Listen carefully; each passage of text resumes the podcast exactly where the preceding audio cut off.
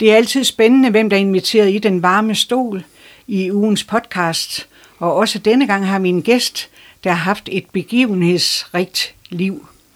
Vi har besøg af en ægte Vennelbo, der er født i Tors, gået i Lendum skole, taget handelseksamen i Frederikshavn, og siden 1978 været bosat i Elling, og han er uddannet politibetjent og haft tjeneste på Nørrebro, udsendt til FN-tjeneste i det tidligere Jugoslavien, Kosovo og måske flere andre steder, det kommer vi nok ind på. Og så har han været ansat ved Frederikshavn Politi fra 1978. Navnet er Kurt Christensen, og så har han til lige Ellingbo. Hedder det det? Det gør det i dag. Det, jeg betragter mig i hvert fald som en Ellingbo, og er glad for det. Kurt har været med i aktivitetsgruppen med henblik på at få en skole til Elling. Han har været kasserer i Elling Borger og Grundejerforening og initiativtager til fjernvarmegruppen, der har arbejdet for at få fjernvarme til Elling.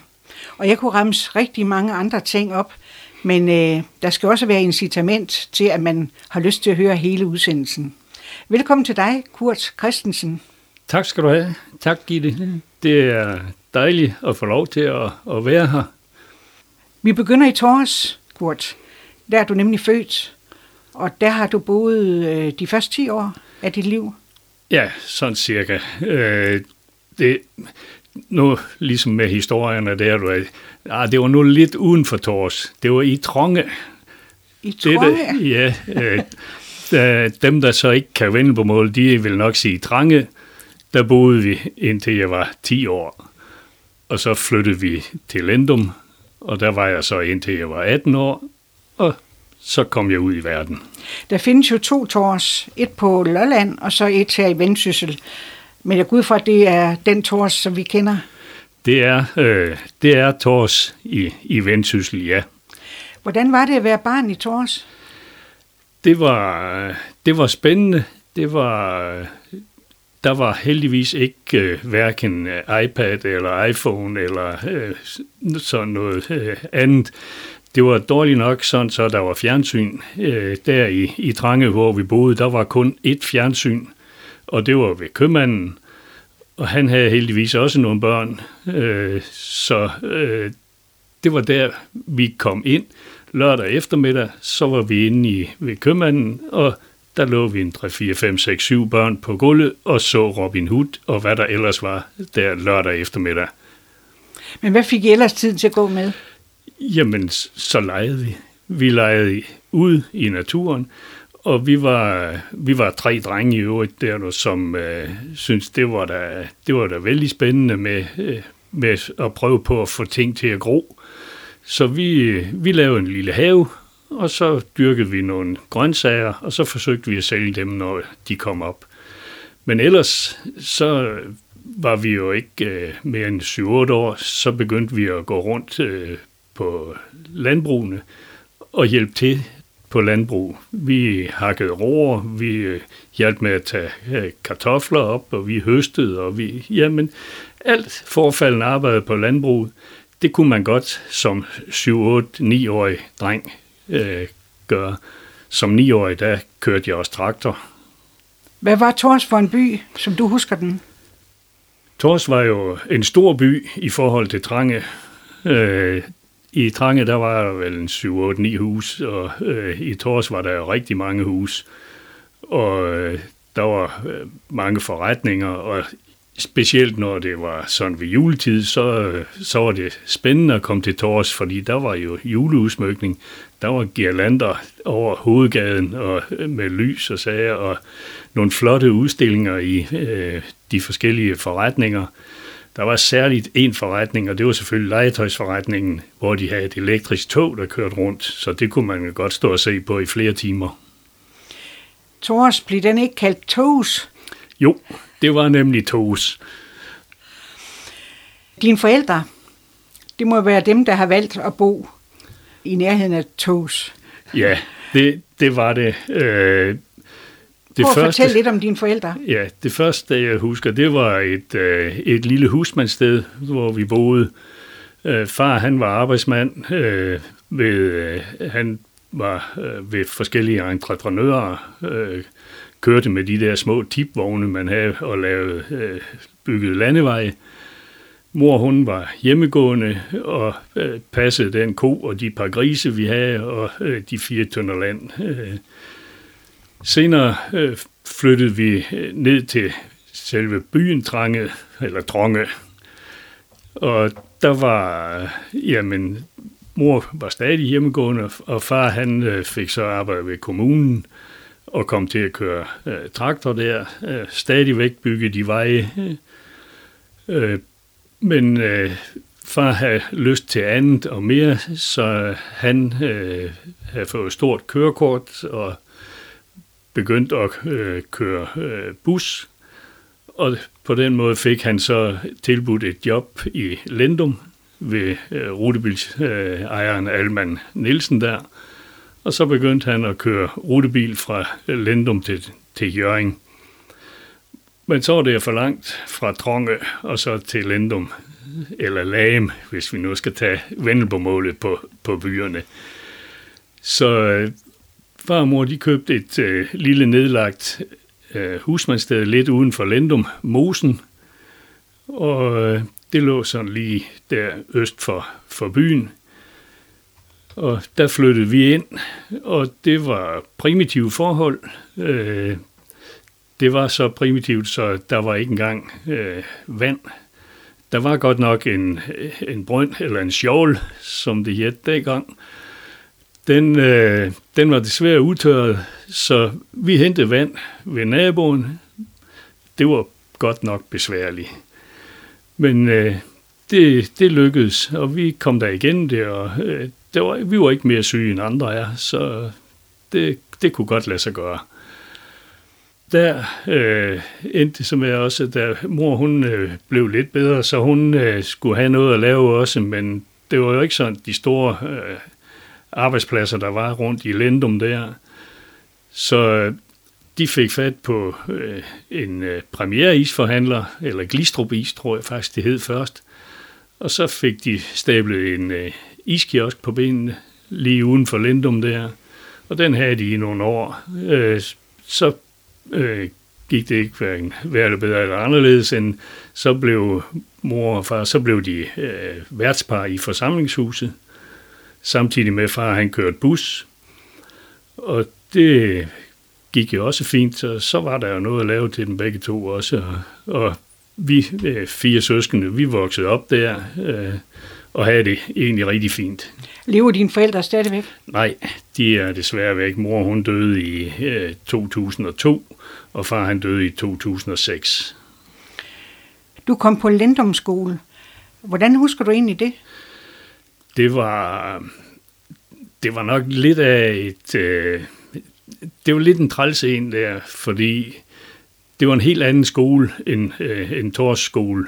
Øh, den var knap så stor, som Tors skole var. Men det var anderledes, øh, helt anderledes. Og vi har nok været lidt foran øh, med hensyn til at læse og sådan noget i, øh, i Tors. Og øh, det gjorde jo så, at jeg var måske nok øh, på en eller anden måde der, og så var jeg lidt foran med at læse. Hvor mange det, år gik du på Torsskole, og hvor mange år gik du i Lendrumskole? Jamen, det har jo været i øh, 5. klasse, øh, der i december 61, vi flyttede til, øh, til Lendum. Og, og det, der, det der var, jeg, jeg fik i hvert fald prædikatet, at jeg vidste for meget. Så øh, det blev til fæseren, og, øh, eller professoren og fæser, og det var det de sidste tre år, jeg gik i skole der, eller to år. Så du blev faktisk mobbet? Jeg vil ikke sige mobbet, men jeg blev drillet. Jeg, jeg har aldrig følt mig mobbet som sådan, men der var, noget, der var mange drillerier. Hvad forskel var der på Tors skole og så Lindholms skole?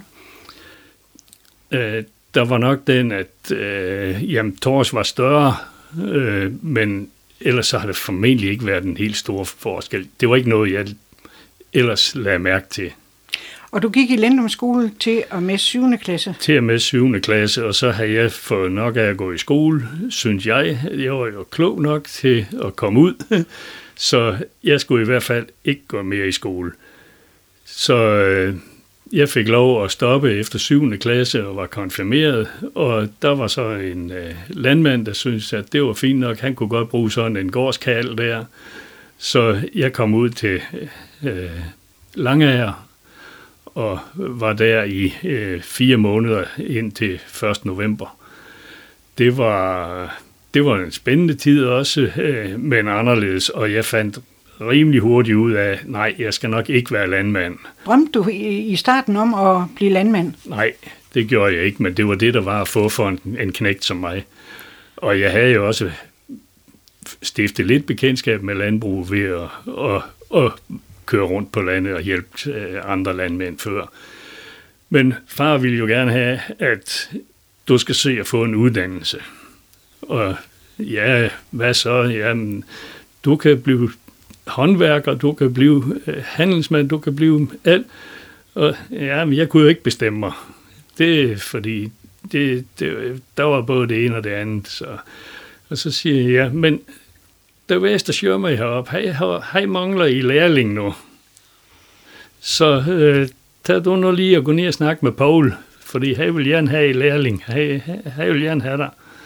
Nå, jamen, øh, det kunne der aldrig ske noget ved, fordi der var jo også det ved det, at lærlingelønnen ved, øh, i, ved købmanden, den var lidt højere end lærlingelønnen var nede ved, øh, ved muren eller tømmeren.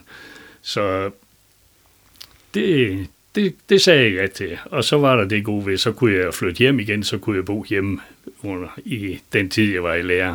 Så du blev simpelthen uddannet komi? Det gjorde jeg, ja. Du er vokset op i, hvad man kan vel godt kalde et arbejderhjem. Øh, hvordan har din opdragelse været? Den har været, den har været fri, øh, men under ansvar. Altså, vi, øh, der, var, der var regler. Vi skulle være hjemme til bestemt tid. Vi skulle være i seng til bestemt tid. Og øh, der var ikke, øh, det var ikke noget med øh, at løbe en hel masse ude. Men da man blev øh, ældre, altså efter at have forladt skolen og var kommet i lære, så var der også frihed til, at man kunne få lov at være ung og gå i byen sammen med øh, de andre unge til, øh, til baller de forskellige steder. Og øh, det var, det var, det var spændende, og øh, der var, øh, jeg har været til mange sjove baller, både i, øh, ja, i Kvissel, på Kvissel Kro, i Tollende Skovpavillon, Mosbjerg Kro. Ja, både Mosbjerg og Kvissel er der jo ikke mere. I hvert fald kroerne. Øh, men det foretrukne sted var jo nok øh, hotellet i Tors. Og det var, i dag, der vil man jo nok sige, uha, det var da noget vildt noget, fordi der var et slåskamp hver eneste lørdag, når vi var der. Men øh, det, det, vi, vi lærte af det, og vi blev lidt hærdet. Kurt, du har tre mindre søskende. Det er, jeg har en, øh, en lille søster, øh, som nu bor i Hov. Hun har boet i Lendum i mange, mange år, og så solgte de deres hus og flyttede i sommerhuset dernede. Nu er de på vej til at flytte tilbage til øh, lidt længere nordpå igen. De øh, flytter til Sæby her inden ret længe. Så har jeg øh, en bror, der bor i øh, Torshøj, og en bror, der bor i Lendum. Jeg fortalte i indledningen, at du er politimand. Hvorfor fortsatte du ikke som komi? Jeg synes, øh, det var for snævert. Det, jeg følte mig lukket inde der. Og så var der det øh, ved det også, at, øh, og det var jo ikke politi, jeg tænkte på, øh, dengang jeg var 18 år og, og udlært, men øh, lægen i, i Lendum, øh, læge Arvesen, han havde en søn, som var sådan lidt frisk, øh, og han, øh, han var øh, på det tidspunkt i søværnet, og han havde på et tidspunkt været med i en øvelse, og der var det lykkedes ham at blive løftet op i en helikopter og fløj hjem og sat af på græsplænen hjemme i Lendum. Det tændte noget, og så siger jeg, det skal jeg også prøve. Og jeg har altid haft lyst til at komme ud og sejle, men det synes min mor i hvert fald ikke ville være en god idé, fordi hvis jeg skulle ud og sejle, hvis jeg skulle sejle på langfart og alt sådan noget, så var det helt tåbeligt. Nej, det var alt for langt væk, så øh, sagde jeg, så søger jeg ind til søværnet. Så kommer jeg dog i nærheden af vandet. og det, det kunne så accepteres også. Så du kom ind som soldat? Jeg, ja. Jeg, I søværnet? Ja. Jeg startede i søværnet 14 øh, dage efter, jeg var udlært. Og øh, der havde jeg tegnet en treårskontrakt og min far sagde, har du nu tænkt over, at du skal være der i tre år? Det er lang tid inden for militæret. Ja, det er det, men det er fast arbejde, og det er staten, og, der, og jeg får lov til at opleve noget. Og det gjorde jeg også. Jeg kom, jeg, jeg kom jo i, som jeg sagde, i søværnet, rekruttid ude op i Auderød, og efter det, så var, blev jeg overflyttet til torpedobådseskaderen, og skulle sejle med torpedobåd. Og det gjorde jeg så i tre år, og det var en herlig tid. Så du fik din løsstyret? Jeg fik min løsstyret, jeg fik sejlet lidt, og jeg fik set øh, en hel del af Danmark. Øh, vi sejlede meget i Østersøen og i, i Kattegat, og de små øer var vi inde ved, og vi sejlede meget til Norge, og der blev jeg simpelthen så forelsket i Norge også, fordi vi sejlede ind i de norske fjorde, øh, og den der forholdsvis lille torpedobåd, den kunne jo lægge til. Vi fandt simpelthen en klippeside, der gik dybt ned, og så et græntræ ved siden af der, der kunne vi binde en snor i, og så båden fortøjet, og så lagde vi noget net ud over den, og den var kamufleret, og vi kravlede op i klipperne og nød det simpelthen. Der blev jeg forelsket i Norge. Hvornår var det egentlig, du mødte øh, en Frederik Savner med navn Chris Sørensen? Jamen, det gjorde jeg jo så der i, øh, i tiden på øh, torpedobåden Hein. Øh, han var i først næstkommanderende, og på et tidspunkt blev han også chef der. Så det var, øh, det var herligt. Ja, Chris var en, øh, en herlig øh, mand. Han, havde, øh, han var officer, øh, så, og på et tidspunkt, hvor vi øh, sejlede ud øh, fra København, og vi stod i styrehuset, min makker og mig, øh, og så stod vi og snakkede om, at vi havde Kronborg på den forkerte side, da vi sejlede, øh, sejlede op øh, imod Kattegat. Og Chris stod op på broen, så lukker han op ned til os, og så siger, sådan et par landkrabber, I skulle ikke, I skulle ikke have været i søværende, når I ikke kunne tåle at sejle ud. Men Chris, han var rigtig herlig. Og ham mødte jeg jo så senere, da jeg kom til Frederikshavn som politimand, og så mødte ham tilfældigt op i gågaden, så siger jeg, det var da Chris. Ja, halløjsa. Og han, han kunne jo heldigvis kende mig, men ikke for noget dårligt, heldigvis for noget godt. og så kom du på politiskolen. Hvordan foregik det? Jamen, igen, øh, det var tilfældigheder. Øh, min gode soldaterkammerat og mig, vi gik en dag øh, på strøget ind i København, og øh, vi nærmede sig tiden der, hvor vi skulle til at tænke på, hvad skal vi, øh, når vores kontrakt udløber, skal vi fortsætte i søværnet, eller skal vi noget andet? Og på et eller andet tidspunkt, så gik vi øh, lidt foran os, der gik øh, to politibetjente sådan på gadepatrulje, ja, det kunne da egentlig være spændende at være politimand, og de har jo også nogle flotte uniformer, så skal, vi ikke, øh, skal vi ikke prøve det? Men øh, Vigo, han var ikke... Øh, han var ikke helt med på det der med at, at skulle ind i politiet. Det, han søgte ind som uh, Securitas-medarbejder og var der i rigtig mange år heldigvis. Så. Men jeg sendte en ansøgning til politiet og gik igennem de forskellige uh, uh, hvad hedder det, ansøgningsprocedurer, og fik stillingen der. Og hvor lang tid tager det at blive betjent? Øh, der skal man, øh, eller på det tidspunkt, der skulle man være i København i tre år, og der var tre år før man blev fastansat. De, de første tre år var man politibetjent på prøve. Og du gjorde tjeneste både på Nørrebro og i Valby, og alligevel så valgte du at flytte til Frederikshavn. Hvad var egentlig årsagen til det? Ja, jeg ved ikke, om man kan sige, at jeg valgte, men jeg, jeg var heldig at komme til Frederikshavn, fordi jeg var jo i mellemtiden blevet gift også, og øh, vi har fået øh, to små piger. Øh, og de, øh, den, den tid, vi var derovre i København, så siger vi, vi vil meget gerne tilbage til Jylland. Min kone er fra Aarhus, så øh, vi vil gerne tilbage til Jylland. Og dengang var det jo sådan, at øh, man skulle søge, når der var ledige stillinger i de enkelte politikredse. Så jeg søgte stort set alt fra, øh, ja, fra Vejle og så nordpå til Skagen, i håb om bare at komme til Jylland. Og så var øh, efter et par år, så lykkedes det, at jeg fik stillingen i Frederikshavn. Der er en helt speciel anekdote fra dengang, du var ansat på Nørrebro. Du, Ja. I måtte nemlig ringe hjem i, i tjenesten.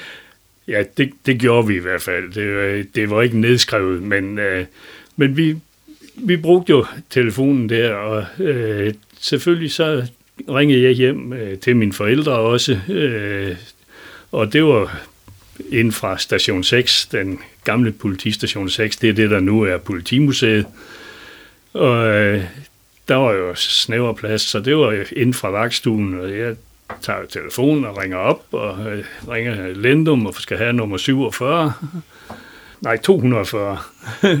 så øh, da jeg, øh, jeg kommer igennem der, og mor hun tager telefonen, og så siger jeg, Dag, det er Kurt, og så snakker vi ellers vendel på mål. Og hele vejen igennem der, og ja, det var jo det var fint nok.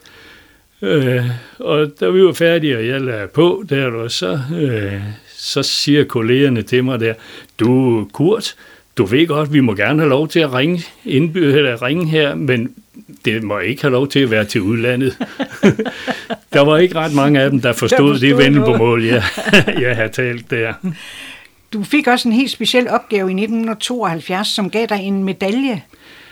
Ja, det var jo så i, i tiden i Søværnet, øh, for i, øh, i 1972, der døde kong Frederik den 9. jo, der i januar måned.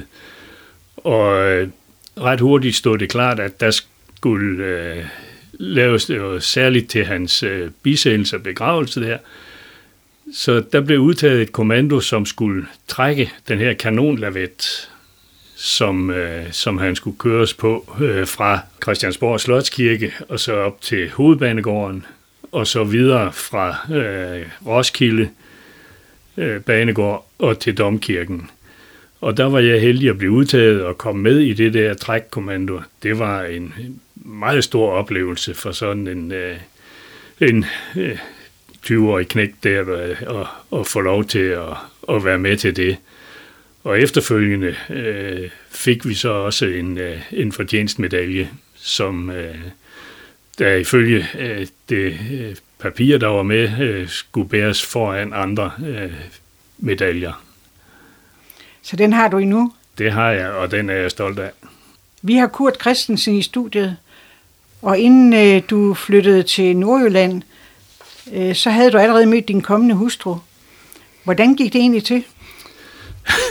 ja, det, øh, det gik sådan til, at øh, mange år før, der, der var vi på camping nede på Djursland, og min lille søster, hun fandt en veninde der, som hun kunne lege med, så var vi der fri for hende, og så kunne vi tage ud og fiske.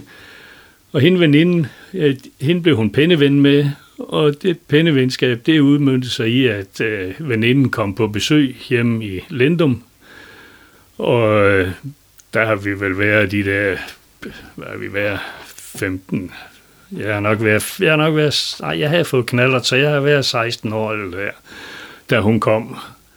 Og så øh, var det jo spændende, hvad var nu det for noget? Det, det, jeg kunne jo ikke rigtig huske andet, end at det var en, Gitte havde skrevet sammen med. Men øh, da de så kom der, du, så var det jo bare sådan en lille pige der på, øh, på 14 år, 12, nej, 12, 13 år. Så var min bemærkning, og det har jeg hørt fra mange gange siden der, du, og her gud, sådan bitte tøs, så vi kan godt turnere spille kort. så det, det var det, der blev ud af det i første Så omgang. din interesse var Men- ikke vagt lige fra starten? Nej, det var den ikke, ikke der. Så hun, øh, men hun blev nu ved med at komme, og øh, hun voksede op, og hun, hun blev egentlig kønnere og kønnere. Og ja, men øh, til sidst, så var hun der så også med til bal i Mosbjerg. Og på vej hjem derfra, der, var- der var lidt plads i taxaen, og så var hun nødt til at sidde på skødet, og så, ja, hun var egentlig også dejlig at have siddende på skødet. så, ja, og så kom vi til at hænge, hænge ved der, og, og så blev det meget, øh, meget bekvemt, fordi hun boede jo i Aarhus hos sine forældre der. Så når jeg havde overlov øh, og var i søværende der, og min svigerfar der, han havde også været i søværende, så havde jeg lidt at snakke med ham om, men det var også nemmere at tage til Aarhus, end det var at tage til Lendum, så jeg, jeg stoppede altid i Aarhus og stod af der. Og så var I kærester? Så var vi kærester, og det blev vi jo ved med at være også, og også da vi øh, skulle, eller da jeg havde søgt ind i politiet, og det, det billigede hun jo også, og sagde, jamen det er fint, så... Og så øh, pludselig sådan, på en eller anden måde der, så meldte øh, Vinnie, vores ældste datter, så meldte hun sin ankomst, og øh, hun er jo også en af dem, der er født tre måneder for tidligt der, så, eller rettere sagt, nej, hun er født til tiden der, men øh, tre måneder, eller seks måneder efter, at vi var blevet gift. Det var så, meget almindeligt dengang, det var, Det var helt almindeligt dengang. Så øh, det der med, med bryllup og sådan noget, det blev hurtigt overstået, og øh, ja, nu har vi jo så lige holdt guldbryllup, så det holdt da egentlig alligevel. Med det. tak. Men øh, I besluttede jer i hvert fald for, at I skulle flytte til Frederikshavn, øh, fordi du har fået en ansættelse på politistationen i Frederikshavn. Det må have været noget af en omvæltning at komme fra det københavnske miljø og så til Frederikshavn. Det var det også. Der var, der var stor forskel. Meget stor forskel. Men jeg havde jo den fordel, jeg kendte sproget. Jeg kunne stadigvæk snakke Vendelbomål, og jeg kunne stadigvæk forstå, hvad de sagde, når vi kom ud lidt uden for byen øh, hvor Vendelbomål stadigvæk snakkes. I Frederikshavn, jamen, der var, der var jo øh, rigtig mange nye ting. Det var helt anderledes at køre patrulje i Frederikshavn, hvor vi kun havde en enkelt patrulje at køre med, hvor i København, der, der kunne man jo næsten risikere at støde ind i en politibil, hver gang man drejede om i hjørnet.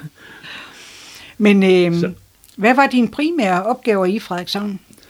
Øh, I starten var det jo almindelig patruljetjeneste, øh, ordenspolitiet, øh, og det var jo meget bredt, så opgaverne var meget forskellige. Men jeg nød rigtig meget at køre rundt på patrulje. Øh, vi stansede en knaller de nye og næ, og øh, hvis der var nogen, der kørte uden sikkerhedssel, og vi opdagede det, jamen så blev de selvfølgelig også øh, lige påtalt, og i de fleste tilfælde blev de skrevet. Og øh, hvis de havde en rigtig god forklaring, så kunne man nok også sige, nå ja, men så husker spænd den næste gang. Så håber man på, så har man fået en god, øh, eller en borger, der har et positivt indtryk af politiet også. Men du bliver også tillidsmand?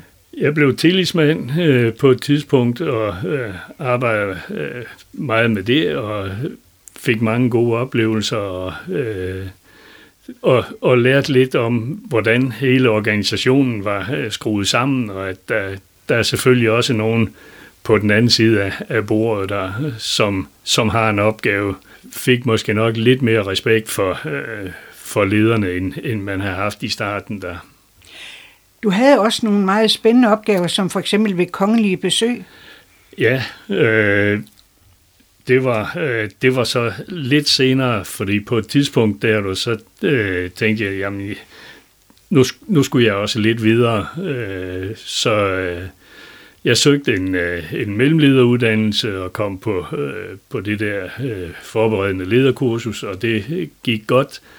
Og så søgte jeg stilling som, øh, som vagthavende der, og fik det også og en af de opgaver, jeg så fik, som udover at sidde og være vagthavende og passe øh, de forskellige vagter, og øh, være, være ham, der sendte patruljerne ud, og, og ham, der træffede afgørelse om, øh, om de nu skulle skrive om det eller ikke, eller om der skulle, hvad der skulle gøres i, i, i sagerne. Så fik jeg opgaverne at øh, tilrettelægge den politimæssige indsats i forbindelse med de kongelige besøg, der var. Det første, jeg havde, det var, da øh, prinsesse Alexandra skulle op og prøve kjoler øh, i Frederikshavn. Og der var, der var mange ting der i, i den forbindelse, som skulle øh, tages hensyn til. Blandt andet så måtte hun måtte vi afskærme hende lidt fra pressen, som var meget nysgerrig efter, hvad hun skulle, og, og hvor hun skulle hen, og hvor hun skulle bagefter hun havde været nede og prøve øh, kjoler. vi havde på det tidspunkt en, øh, en skrædderforretning eller noget der, der hed, øh, hed den Alexandra-skolen, øh, lå nede i Havnegade, øh, og der var hun nede, og, og så ved jeg, så skulle hun bagefter, uden pressen fik det at vide, over på Hotel Jutlandia og have et møde med nogen. Så det var, det var spændende og, og udfordrende også. Men senere så kom der jo mange andre spændende Der kom besøg. mange andre spændende øh, kongelige besøg, og øh, det var åbenbart... Øh, ledelsen havde været tilfreds med den øh, måde, jeg har øh, besluttet, hvordan øh, de forskellige opgaver skulle løses, øh, og det, vi, det var jo både trafikregulering, afspærring og, øh, og med at lukke af, så når de, de kongelige passerede og, og, og sådan noget. Så det, det hele, det, øh, det spillede faktisk. Jeg fik godt nok skyld for, at jeg brugte mange ressourcer, men så sagde jeg, at det er nødvendigt, hvis det skal være sikkert, og det skal det. Og du har også haft besøg af både prins Henrik og dronning Margrethe. Ja, et af de øh, seneste besøg, som jeg var involveret i, det var da øh, dronning Margrethe hun skulle indvige eller navngive øh, nogle øh, veje, nyrenoverede veje nede på flådestationen. Så kom hun jo, og hun var øh, indvidet i veje, og hun var op og besøge øh, flåderadioen op i, i bakkerne. Og så om eftermiddagen, der havde hun egentlig fri. Øh, så øh, der havde hende og øh, prins Henrik, der havde de besluttet, at så ville de prøve at komme et sted, hvor de aldrig havde været før. De ville nemlig besøge Hirsholmene. Der havde majestæten ikke været over før, og det havde jeg heller ikke. Så øh, min kollega Jørgen Dalsgaard og mig, vi stod jo for det hele arrangementet der, så vi blev sendt over på Hirsholmen også, for lige at rekognosere og se efter, at der ikke var øh, nogen, der ville hende noget ondt derover, inden hun kom derover. Så den dag, der, havde, eller der fik hendes majestæt og mig, der fik vi set en oplevelse samtidig, første gangs oplevelse, ja, nemlig besøg på, på Hirsholmene selvom jeg har boet i Lendum og har boet tæt på, og så noget, har jeg aldrig været på Hirsholmene. Og de kunne godt lide Hirsholmen, kunne jeg forestille mig? Det, det kunne de, og de havde en hyggelig eftermiddag derovre, og øh, vi havde en, en nem opgave, der dog lige blev øh, krydret lidt ved, at øh, hvad vi ikke lige havde tænkt på, det var, at på Hirsholmene, der var et sted, hvor skolerne kunne komme over på en form for lejerskole, så der var faktisk en, en skoleklasse derovre, og da de opdagede, at der var kongeligt besøg, så fik vi lidt travlt med lige at fortælle dem, I skal lige lade dem være, fordi de skal have lov at spise deres piknik i fred. Men det var fredeligt og fordrageligt det hele.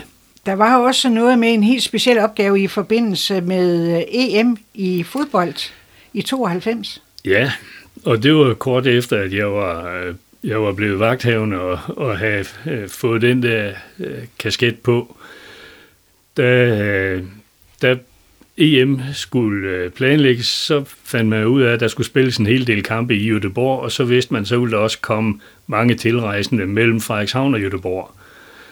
Og politimesteren var lidt, øh, sådan lidt øh, bekymret for, hvordan det ville øh, spille af, fordi de engelske og de hollandske tilskuere, de havde et vist ry for at kunne, kunne være noget voldelige.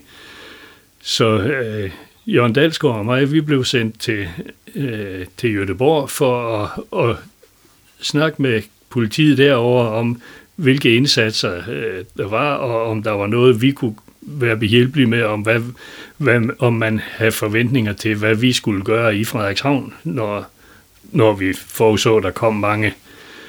Og det ville jo altid, øh, efterretninger fra Frederikshavn til Göteborg, ville jo give øh, i hvert fald tre timers øh, advarsel eller tre timers forspring for dem. Vi fik et uh, rigtig godt samarbejde med Göteborg politi og dem, der uh, stod for øh, EM uh, derovre, sikkerheden og det hele. og vi uh, vender tilbage og laver en rapport til politimesteren om, hvad de forventede og hvad de uh, håbede på, og hvad de ønskede af, af samarbejde med Frederikshavn. Specielt, at vi ville kunne informere dem, hvis der var nogen på vej, og, øh, at vi ville kunne tage det i opløbet, hvis, øh, vi, hvis der var nogen, der var meget voldelige, så kunne vi stoppe dem i Frederikshavn, så de slet ikke kom derover. Og det synes politimesteren jo rigtig godt om, og han sagde, jamen, øh, så må vi jo i gang, og så må vi se, hvad vi kan lave. Og det endte med, at øh, vi øh, tog kontakt til Stenerlein, direktør Valdemar Christensen, han var med på det med det samme. Han øh, sagde med det samme, I får et kontor her, og I får øh, husly, og I kan få strøm, og I kan få vand, og I kan få varme, og I, kan, I må gerne være her i den tid, det tager.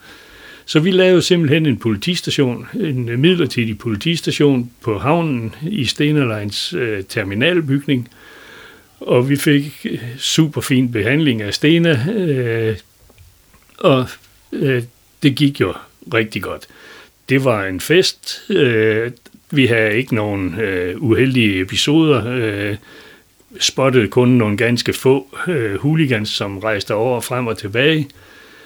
Og det hele det månede så ud i, at øh, da Danmark havde spillet sig i finalen, så giver politichefen øh, over fra Jødeborg, så giver han besked til politimesteren i Frederikshavn, det her, det er klaret så fint, og det er klaret så godt, og I har jo ikke så meget at lave der, og når det er Danmark og Tyskland, der skal spille, så er der ikke så mange hooligans, der kommer den vej. Kunne I ikke tænke jer at komme over og se finalen? Og han øh, sagde, jo, det ville han da gerne, og han tog så Jørgen Dalsgaard og mig med, og vi var over, og vi så finalen, og det var simpelthen en super oplevelse at sidde på lægterne der. Det må have været en af dine helt store livsoplevelser. Det var, det, var, det var sjovt, og det var spændende.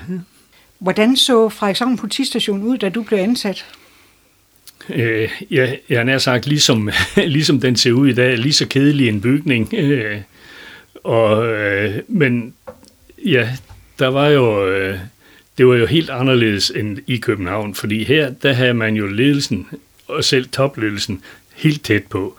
Politimesteren havde kontor på første sal, og kriminalpolitiet på anden sal, og ordenspolitiet i stuen, og vi havde motorkontoret og øh, paskontor, alting var der, administration, øh, og det har man jo ikke været vant til i København, så det var jo nyt. Øh, og havde man problem af juridisk karakter, jamen så var det bare en etage op, så var der politifuldmægtige, der var vispolitimesteren eller politimesteren selv, man kunne spørge, og man kunne få tingene afklaret lige med det samme. Det var ikke noget med, at man skulle vente til, man har fået det igennem tre eller fire kontorer.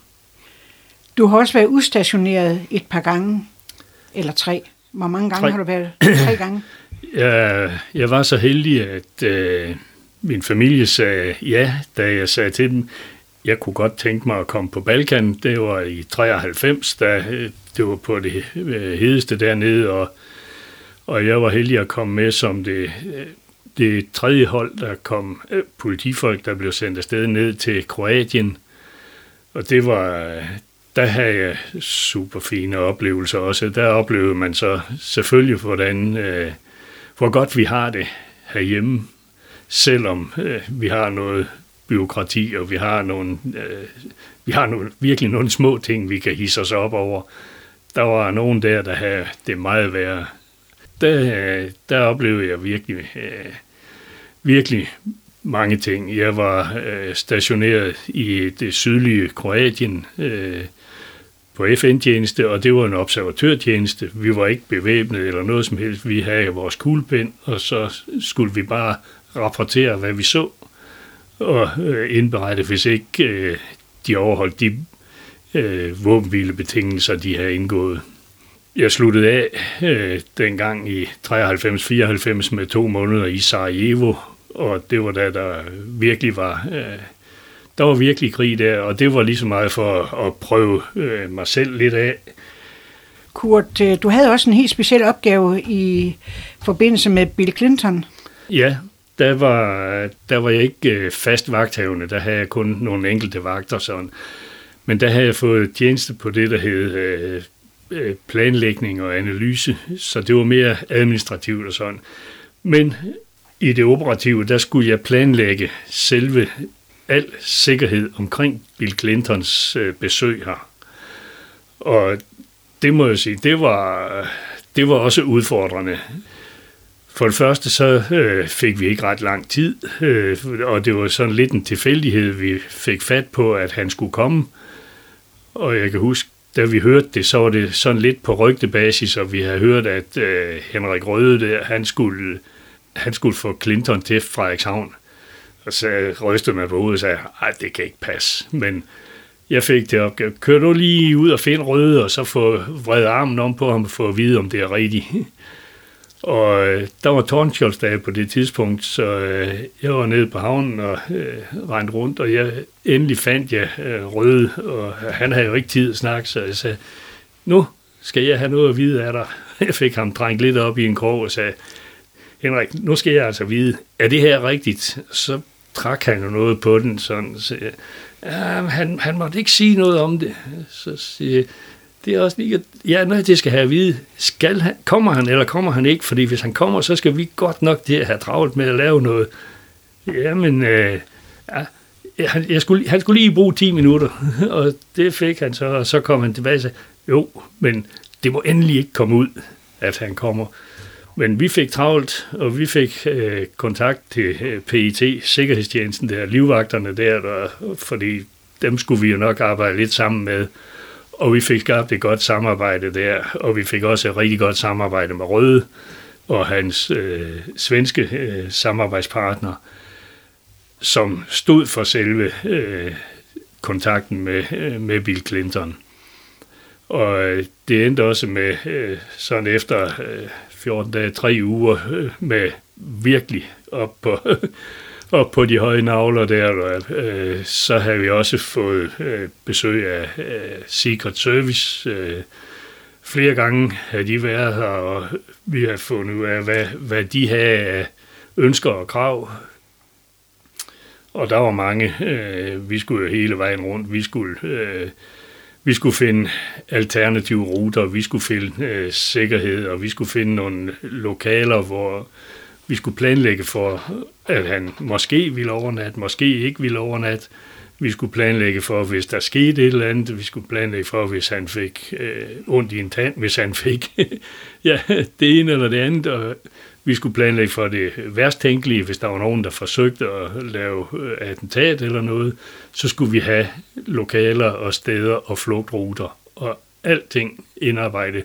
Og vi skulle vide, hvem skal køre i tilfælde af det, og hvem skal køre i tilfælde af det. Så der blev brugt nogle, der blev brugt nogle timer, og, øh, og både på rekognoscering og på at lave aftaler med forskellige steder, med hoteller og med øh, andre øh, muligheder for, øh, for øh, overnatninger øh, og, og safe houses, som vi kaldte det. Hvor mange var øh, involveret i sådan en opgave? Jamen, vi har, altså, hele Frederikshavn politi, øh, alle, alle var mere eller mindre involveret. Og så havde vi assistance fra Aalborg dengang også øh, til det. Plus vi har assistance fra på landsplan for, øh, med, øh, med øh, motorcykler, med øh, bombehunde øh, for at søge og, og også ja, sådan noget. Så der var rigtig mange. Var I selv med inde og høre Bill Clinton? Ja. Hilse på ham? Ja, og, øh, og var også heldig at blive inviteret op og, og, og fik lov at trykke ham i hånden og få et billede der, så det passer vi lidt godt på. du har haft rigtig mange spændende oplevelser i bagagen inden for politiet, og du sluttede din polititjeneste efter 44 år. Ja. Når nu du ser tilbage, Kurt, var det så den rette hylde, du var kommet på? Jeg kunne ikke have ønsket mig noget bedre. Det kunne jeg ikke. Øh, den var, den var spændende, den var udfordrende, øh, den gav indhold og, og det hele, og jeg synes næsten, jeg kan beskrive det med, at vi havde jo egentlig en, øh, en pligtig afgangsalder som 63-årig. Det blev heldigvis ændret, før jeg blev 63. Så øh, jeg har, jeg har fået en plads der på det tidspunkt, sådan så at øh, jeg befandt mig rigtig godt. På det tidspunkt var jeg kommet over og var blevet politianklager, Så jeg øh, efterbehandlede sagerne, jeg øh, rejste sagerne i retten, og øh, de mindre pol, øh, politisager, øh, og, og mødte i retten med dem også. Og det havde jeg det rigtig, rigtig godt med. Øh, det var ligesom afslutning på, på en politisag. Og jeg siger som øh, altid, der, der øh, de sidste øh, to, halv, tre år, der, der gik jeg på arbejde, fordi jeg kunne gå på arbejde, ikke fordi jeg skulle gå på arbejde. Og det havde jeg det rigtig godt med. Der var så mange, der bagefter så har sagt til mig, hvad savner du så ikke politiarbejdet nu? Nej, egentlig ikke. Det, er så, det eneste, jeg savner, det er kaffepauserne. og det, det, dermed mener jeg jo, at det, jeg, det jeg egentlig savner, det er, øh, eller kan savne, det er det kollegiale sammenhold. Men øh, der har jeg fundet andre ting i, i tilværelsen, som, øh, som gør, at jeg har det fint i dag. Nu vender vi lige tilbage til 1978. Der skulle familien flytte til Frederikshavn i forbindelse med dit arbejde, og I vil gerne købe et hus. Og der hører en helt sjov historie til. ja, altså vi er nogle underlige nogen, fordi vi er så impulsive. Og jeg vil nok sige, at det største impulskøb, jeg har gjort, det var huskøbet. Og det var virkelig et impulskøb. Vi, øh, vi boede i Vallensbæk på det tidspunkt, havde en ejerlejlighed der, vi har haft i ni måneder der, og så får vi jo at vide, at nu skal I flytte til Frederikshavn. Og så øh, på det tidspunkt, der var jo ikke noget internet eller sådan noget der, så vi kunne ikke begynde at søge der efter, efter huse eller noget, så øh, vi øh, fik et par lokalaviser sendt over, og så fik vi fat i øh, et par ejendomsmalere og sagde, I har nogle, I har nogle hus til salg, vi vil godt have lidt salgsopstillinger på, på nogle stykker. Og så fik vi nogen over og valgte så fire hus, som vi vil kigge nærmere på. Fordi vi skulle til Aarhus i en weekend der, hvor, øh, eller op til en weekend, for vi skulle, øh, min svigermor have en rund fødselsdag, så, så vi skulle, øh, vi skulle dertil. Og så kunne vi jo godt lige tage en dag ud, og så øh, køre til Frederikshavn og så se på hus. Så det gjorde vi. Øh, vi kørte op, og vi så øh, på øh, fire huse. Øh, et af dem så vi bare udefra, og så sagde vi, nej, det er ikke os. Det, det, der kører vi videre. Det lå ude i, øh, i øh, understed. Så det var, det var for langt ud. Det, det, det duede ikke rigtigt. Så var vi i Sæby. Jamen, det så da egentlig meget godt ud der. Og der vidste vi, der boede egentlig en hel del kolleger der, så det kunne måske være noget. Så, øh, så kørte vi så til, øh, til Elling, fordi der var et par stykker, vi skulle se på også. Og vi var først ude at se på et ude på Skagensvej sammen med ejendomsmaleren, men det var, der, var, der var for meget tæt trafik og, og sådan noget, og heldigvis hoppede vi ikke på den. Så så vi på et i Elling på Kingusvej, det var heller ikke, øh, ah, det var ikke. Men så kom vi på Ingemandsvej, og kommer ind, og der havde min kone, hun havde sagt på forhånd, det glæder jeg mig til, fordi der stod i salgsopstillingen, at der var en muret reol. Og den ville hun jo godt se, hvordan den så ud. Og det første hun kom ind, øh, huset var ikke noget sådan at prale af med hensyn til den øvrige indretning, og der var mange ting der. Men den der reol, der stod inde i stuen, det var en, som den daværende ejer, han var murerlæring, eller havde været murerlæring, var lige udlært murer, den har han bygget selv, fordi det var jo også lidt småt, og det var flot. Det var lige... Og prisen, den øh, fik vi også til at passe der, fordi vi kunne faktisk bytte lige over. Altså, det vi kunne få for vores ejerlejlighed, det skulle vi give for huset. Så det økonomisk, det kunne også hænge sammen. Så vi øh, sagde, ja, det er top, det er den her. Og det var sådan hen sidst på eftermiddagen der, og så sagde vi, nu, den her, den vil vi gerne Jamen, det var godt, så ville han køre hjem og skrive en, øh, en øh, slutseddel. Og det gjorde han, og det tog ham nok en halv time, så sagde det, og så mødes vi ned på Moby Dick, og så mødtes vi der alle sammen, sælger og køber og øh, ejendomsmaler, og så gav han øh, stjerneskud, og så skrev vi under, og vi bor der endnu, og vi har ikke en eneste dag fortrudt, at vi flyttede ind der. Der var også noget med, at nogle af kriterierne for at flytte til Elling, det var, at der skulle være cykelmulighed til Frederikshavn. Ja, det, det, det, det ville vi i hvert fald gerne. Altså, vi, vi havde jo valgt at, at kigge der i Elling, fordi det, den, den havde nogle kvaliteter. Elling var øh, en, nogen sagde, det var en soveby. Det synes vi jo ikke, fordi der var jo øh, masser af muligheder. Der var mange øh, små børn og sådan noget, der fandt vi ud af senere. Men den lå i en tilpas afstand fra Frederikshavn, og der var lige lavet cykelsti langs Skagensvej derind, så det ville ikke være noget problem at cykle øh, ind til politistationen. Og øh, ja, så var der Ellingå, øh, spændende. Der var øh, plantagen, hvor der var øh, masser af, af muligheder. Men det var jo ting, som vi i realiteten først fandt rigtigt ud af senere. Det var, det, men det har været rigtig, rigtig skønt. Øh, der var plads, og vi følte os velkommen lige med det samme. Øh, vi har vel ikke været der mere end en enkelt dag før, så kom der et par småpiger og sagde, kan vi og Heidi lege? og den fangede vi jo med det samme. Det der med, kan de lege? Den, det var jo ikke det, de har været vant til at høre over i Valensbæk, når de var udenfor. Og det var jo så fint. Så de kom ud, og de legede, og så fandt vi ud af, at så var der en øh, sådan privat institution ude i det gamle kommunekontor. Øh, Gurli Andersen og øh, Birte Jensen, de havde lavet sådan en privat legestue, og det fik vi nys om, og vi skyndte os at få fat på at sige, fordi vores børn, de skulle ikke, de skulle ikke i børnehave, fordi det, de havde det bedst, når de var hjemme. Og Marna, hun gik hjemme og var det, var, det havde vi det fint med. Så, øh, så vi fik, fik plads i legestuen, og de kom derud, og det var så godt. Og I blev hurtigt integreret? Ja, det gjorde Hvad vi. gjorde I selv i den forbindelse? Jamen, øh, jeg øh, meldte mig meget hurtigt ind i, i øh, idrætsforeningen, spillede lidt fodbold, og interesserede mig for, for fodboldafdelingen.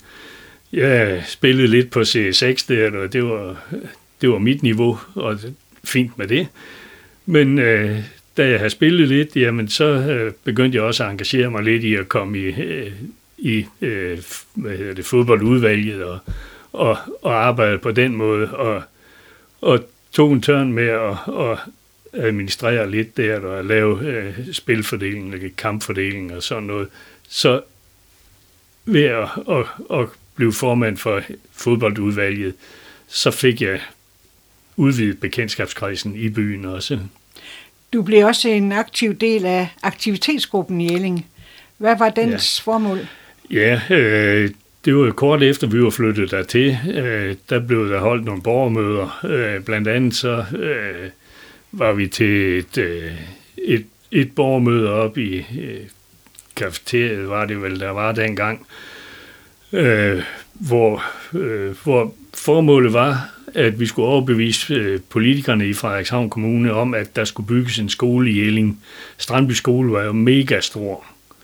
Og vi synes, det var, godt nok var der skolebus derover til, og, øh, og, men det var, den var så stor, og så synes vi, det ville være synd for de der små, små børn der, der skulle starte i sådan en stor skole. Så vi sagde, at vi skal have en skole i Elling, og det sagde de, det skal I ikke, det er der ikke behov for, det har vi ikke råd til, og der var mange undskyldninger. Og der er ikke børn nok, sagde de. Og vi påstod, jo, det var der. Øh, men øh, Johannes Sørensen, byrådsmedlem der fra, øh, ude fra Skærum, han øh, kom med en påstand. Hvis I vil have en skole i Elling, så skal I gå hjem og lave nogle flere bøn. Og det gjorde vi så. Og øh, det afsted kom jo så også der, at vi tog ham lidt på ordet, og så sagde ja ja, vi skal saftsus med vise øh, Johan Sørensen, at der er liv i Elling. Så vores logo, det blev, der er liv i Elling. Og vi fandt nogle, nogle gravide koner der, der kunne få sådan en t-shirt på, og så, og så, var, så var vi i gang med kampagnen. Det blev mange år. Men I fik i første omgang en idrætshal. Ja. Og hvad har den betydet for området?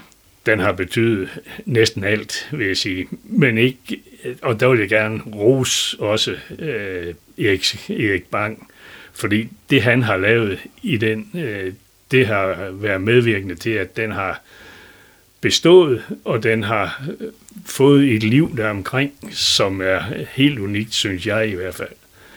Den er, der, er, øh, der er liv der, og håndboldafdelingen, selvom jeg var fodboldmand, og øh, alle har øh, rigtig haft noget med håndbold, det er så blevet lidt anderledes efter. Men det er en anden historie med, med børn og, og børnebørn, der, der er meget aktive i håndbold. Øh, men hallen, den betyder rigtig meget. Vi har et samlingssted, og øh, der er en god ånd. Men det lykkedes jo også at få en skole til Tælling. Ja, efter at øh, hallen var blevet bygget, så, eller da hallen blev annonceret, så sagde de, nu får I en hal, eller ingenting. Nå, godt, så tog vi imod hallen, og så sagde vi til os selv i aktivitetsgruppen, der vi, øh, vi tager den med ro. For øh, nu, øh, nu, lader vi, nu lader vi hallen komme op, og når hallen den så er færdig, så går vi i gang igen. Og vi har aldrig sådan demonstreret eller råbt højt eller noget. Vi har argumenteret og holdt os på savlige grundlag og sagt, vi dokumenterer, der er behov for det, vi har så meget, og vi har så mange børn. Og det viser sig jo også, da vi fik skolen i gang, øh, 0. Til 4. klasse, øh, der havde vi over 100 elever i, i Elling havde vi fået det hele med, så var der nok øh, op til altså en fuld skole, så var der nok blevet underskud af elever i Strandby, så det duede ikke rigtigt. Det, vi tog det, og den virkede godt i mere end 25 år. Så var der ændringer i skolestruktur og sådan noget. Og så kom de jo så også, og så var der nok nogen, der forventede, at så ville vi øh, råbe, nej, vi skal ikke have skolelukning, vi vil lave friskole og sådan noget. Så sagde vi, nej, det vil vi ikke.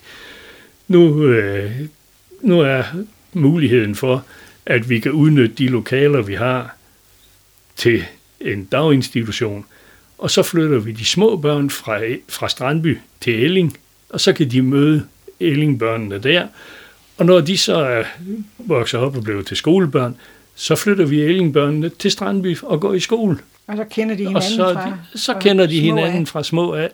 Win-win. Og det har nok været lidt startskud også på, at den der barriere, der har været mellem Elling og Strandby, den er, øh, den er langsomt blevet dæmpet, og heldigvis i dag, så har vi et rigtig godt samarbejde med øh, det meste af Strandby og med, øh, med mange i Strandby, og der vil jeg rose Jørgen Andersen, han har virkelig, øh, han har virkelig gjort noget for, at, øh, at vi skulle øh, arbejde sammen. Ham og mig har øh, lavet indstillinger til kommuneplaner, hvor vi har fremhævet fælles projekter, fælles ting, og det synes jeg er, det synes jeg er dejligt. Skagensvej skal ikke være en barriere. Jeres seneste opgave har været, om I kunne få fjernvarmetæling. Hvad, øh, hvordan går det med det? Det går rigtig godt. Det er så dejligt. Det har været en meget, meget hård fødsel, det må vi sige. Vi har, vi har måttet overbevise øh, bestyrelsen i Strandby Varmeværk om, at de kunne være med til at udbygge det gode samarbejde mellem Elling og Strandby. Og øh, om det hedder Strandby Elling eller Elling Strandby, det er for os lige godt, bare vi samarbejder og binder tingene sammen. Og det lykkes i den sidste ende at få det på plads, og øh, vi var glade for, at vi her i, øh, hvornår var det, i juli måned her, kunne tage første spadestik til, til øh, fjernvarmen. Og lige nu, der er, øh, der er det rigtig dejligt at se. De graver, og de svejser rør sammen, og de, ja, de har, øh, de har øh, boret under Skagensvej, de har gravet igen Grundtvigsvej, så nu er de på vej ind til Banderslundhallen og til skolen, eller Molevitten, som det hedder nu, øh, daginstitutionen, og så fortsætter de rundt i byen. Og om to år, så har vi fjernvarme, og så arbejder vi på det område, også sammen med Strandby. Når du ser på fremtiden, har du så nogensinde tænkt at gå ind i politik? Måske sådan lige flygtigt de to sekunder, og så er jeg heldigvis gået tilbage igen og sagt, nej, det skal jeg ikke. jeg skal ikke ind og være bundet af noget.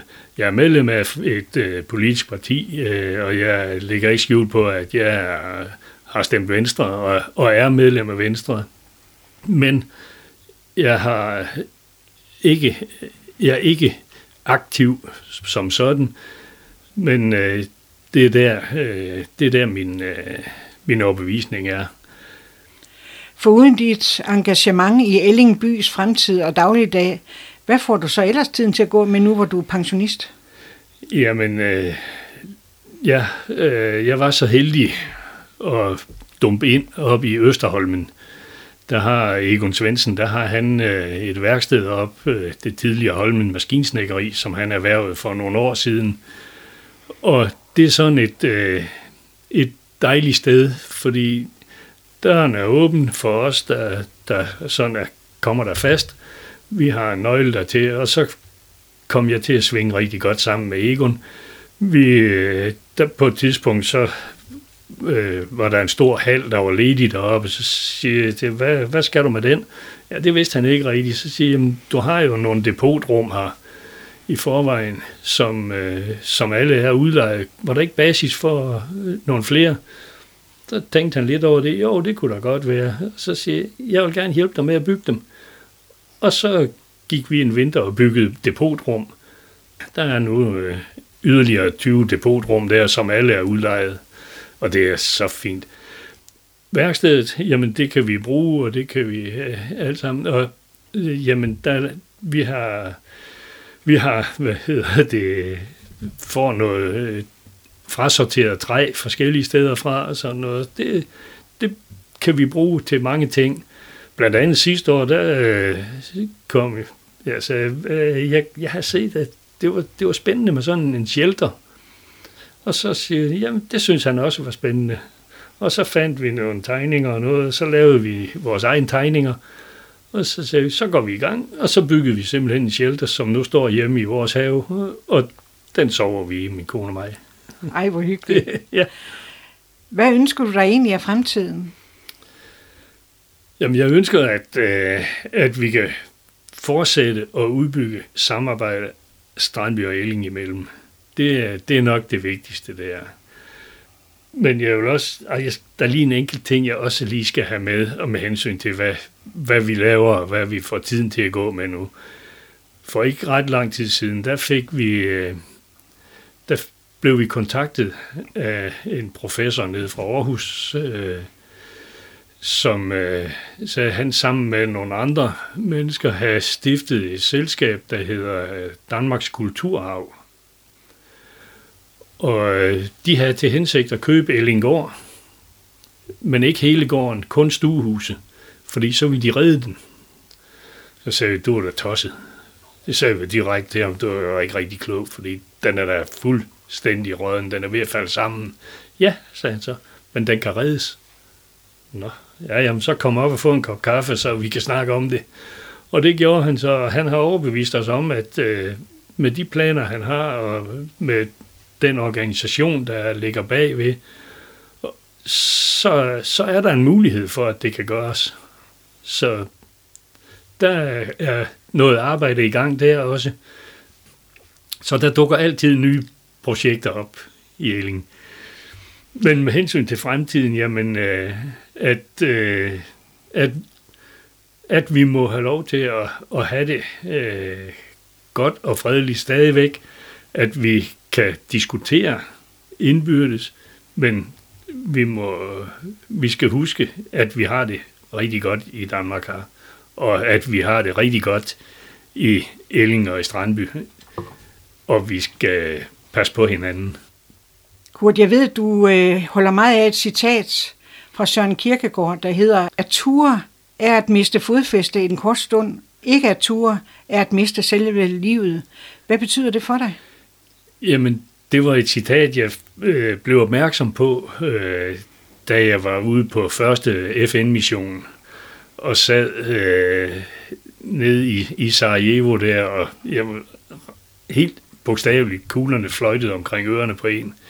De skød ind af vinduerne hos os, og øh, granaterne faldt ned lige øh, ud foran huset, og vi havde øh, hedder det, tape på vinduerne, for at de ikke skulle øh, sprænges, og sandsække bygget op og alt muligt. Der, der, der mærkede man virkelig, at man var i live, og så siger hvor er min grænse? Det er den, jeg skal finde. Og så det, at ture prøve det, det var, det var adrenalinkigget. Og der kom hvis Søren ikke, hvis ikke man, ja, hvis ikke, man, hvis ikke man turde, jamen, så har det hele jo bare været sådan en grå masse. Mm-hmm. Der er også øh, et citat fra Mark Twain. Jeg har haft mange problemer igennem tiderne, men de fleste af dem er aldrig blevet til noget. Er det en livsregel, du jamen, også lever efter? Ja, fordi man, det kan ikke hjælpe noget, at man øh, går der og siger, jeg kan ikke, jeg kan ikke, jeg kan ikke. Fordi det viser sig jo gang på gang, det kan man godt. det, ja. Og det sidste citat, ja. som du har med, det er fra Colin Powell.